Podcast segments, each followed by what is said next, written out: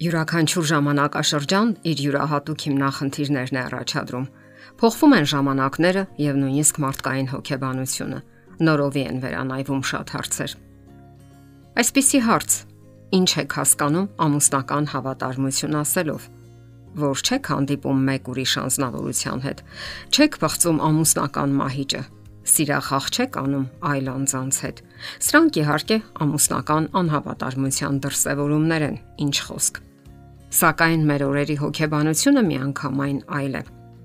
Այն բնավորության միանգամայն այլ որակներ է պահանջում, որովհետև սոցիալական հոգեբանությունը որոշակիորեն ուրիշ է։ Յուրատեսակ փոփոխությունների է ենթարկվել թե սոցիալական իրավիճակը եւ թե մարդկային հոգեբանությունը։ Այն աղավաղվել է եւ ավելի խառնաշփոթ դարձել։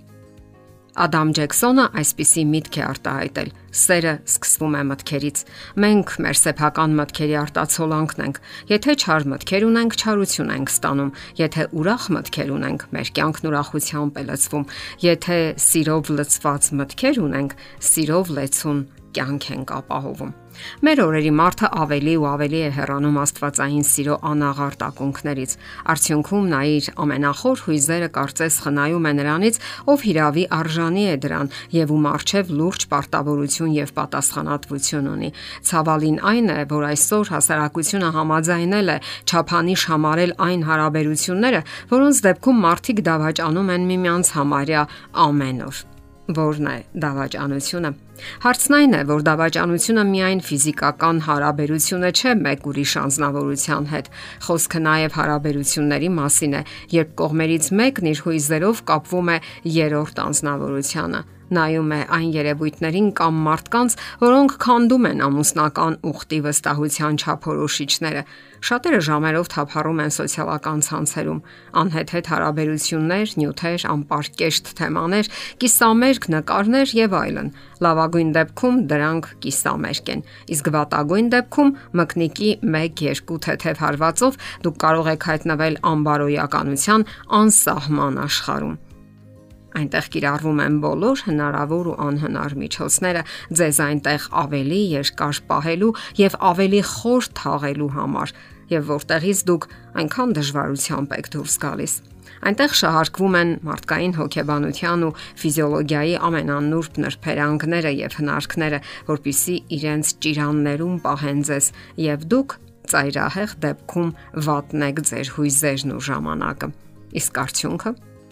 Արդյունքում մարդիկ կորցնում են փոխադարձ հարգանքն ու սերը, փոխամբռնումը, վստահությունը, ուշադրությունն ու մերձությունը կիրքը։ Սակայն չէ որ այս օրինակ խափեություններն իրականում հսկայական կորուստ են պատճառում, ինչ մարդիկ այն կարծիքին են, որ դա բնականon է, որ կիսատ պրատ հարաբերությունները այնքան էլ վատը չեն։ Տեսել եք, թե ինչպես է ձեր սիրելին ուրشادիր զննում հակառակ սեռի այս կամ այն նկարը։ Հետո նշում է դա որպես ուշադրության արժանի մի բան, կամ լայքում, կամ կիսվում սոցցանցում եւ վերջապես հիանում։ Դուք մտածում եք, որ դա անմեղ խաղ է, բացարձակապես։ Դա խաղ չէ, այլ բնականon եւ լուրջ հրապուրվածություն։ Դա այն է, ինչի մասին զգուշացրել է Քրիստոսը։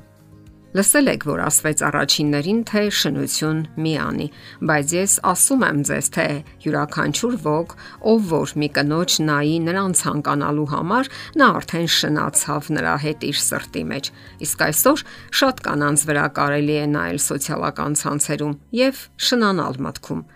Եթե ոչ իրապես, իսկ շնության գործընթացը միայնակ չի լինում, այն սովորաբար լինում է երկուսով։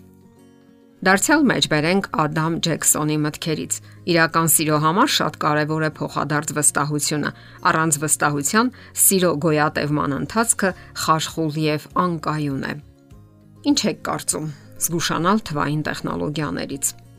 Ոչ թե որովհետև դրանք ինքնին բացասական երևույթ են, այլ որովհետև դրանք օգտագործվում են բացասական ձևով, ազդելու մարդկային մարմնի եւ ուղեղի վրա։ Ահա թե ինչու հարկավոր է հեռացնել դրանք, տրամադրել ժամանակը սիրելի անznավորությանը շփվել իրական սիրելիի հետ, նրա հետ, ով այդ պահին ձեր կողքին է եւ ձեր ուշադրության ու հոգատարության կարիքն ունի, ձեր լավագույն հույզերի ու լավագույն խոսքերի, լավագույն արարքների։ Որսացեք պահը եւ ասացեք, թե որքան լավն է նա, որքան հիանալի եւ հուզիչ, եւ թե որքան եք սիրում նրան։ Երբ դուք վերջացնում եք ձեր աշխատանքը, կարող եք զանգահարել ու ասել, որ հակնի իր լավագույն զգեստը եւ պատրաստվի, որովհետեւ նրան մի հրաշալի վայր եք տանելու։ Դա կարող է լինել բոլորովին էլ ոչ ամենաթանկարժեքը, սակայն կարևորը, որ դուք միասին կլինեք։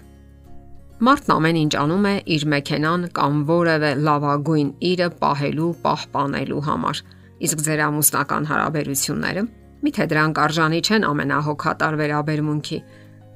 Դուք ամեն ինչ պետք է անեք թարմությունը վերադարձնելու համար։ Եթե ճեղքեր կան, պետք է փակեք դրանք։ Ինչպես եք թարմացնում հնաոճ մեքենան կամ բնակարանը։ Միթե դրանք ավելի կարևոր են։ Եղեք խոհեմ եւ լուրջ։ Չի կարելի թույլ տալ, որ ձեզանից հեռանա այն լավագույնը, որ մի ժամանակ ձեր կյանքի իմաստն է եղել Բռնեք ձեր սիրելիի ձեռքը, բացեք մեքենայի դուռը ձեր կնոջ առջև, ծաղիկներ ուղարկեք նրան հենց այնպես, որpիսի տեսնեք նրա ժպիտը։ Նրա ժպիտը դադարել է հուզել ձեզ։ Մտածեք այդ մասին։ Հիշեք, ինչ հուզմունքով եւ սրտի թրթիրով եք բռնում նրա ձեռքը եւ դողով սпасում նրա ժպիտին։ Այն այնքան կարեւոր է ձեզ համար։ Փորձեք սիրահարվել ձեր կնոջը ամեն օր։ Սիրահարվեք միմյանց։ Դարձեք երեխաներ, Դուք արդեն ծերացել եք։ Ծերացել եք, որովհետև դադարել եք սիրել, ոչ թե դադարել եք սիրել, որովհետև ծերացել եք։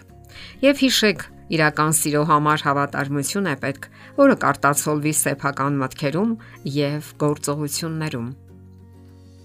Եթերում ընտանիք հաղորդաշարն է։ Հարցերի եւ առաջարկությունների համար զանգահարել 033 87 87 87 հեռախոսահամարով։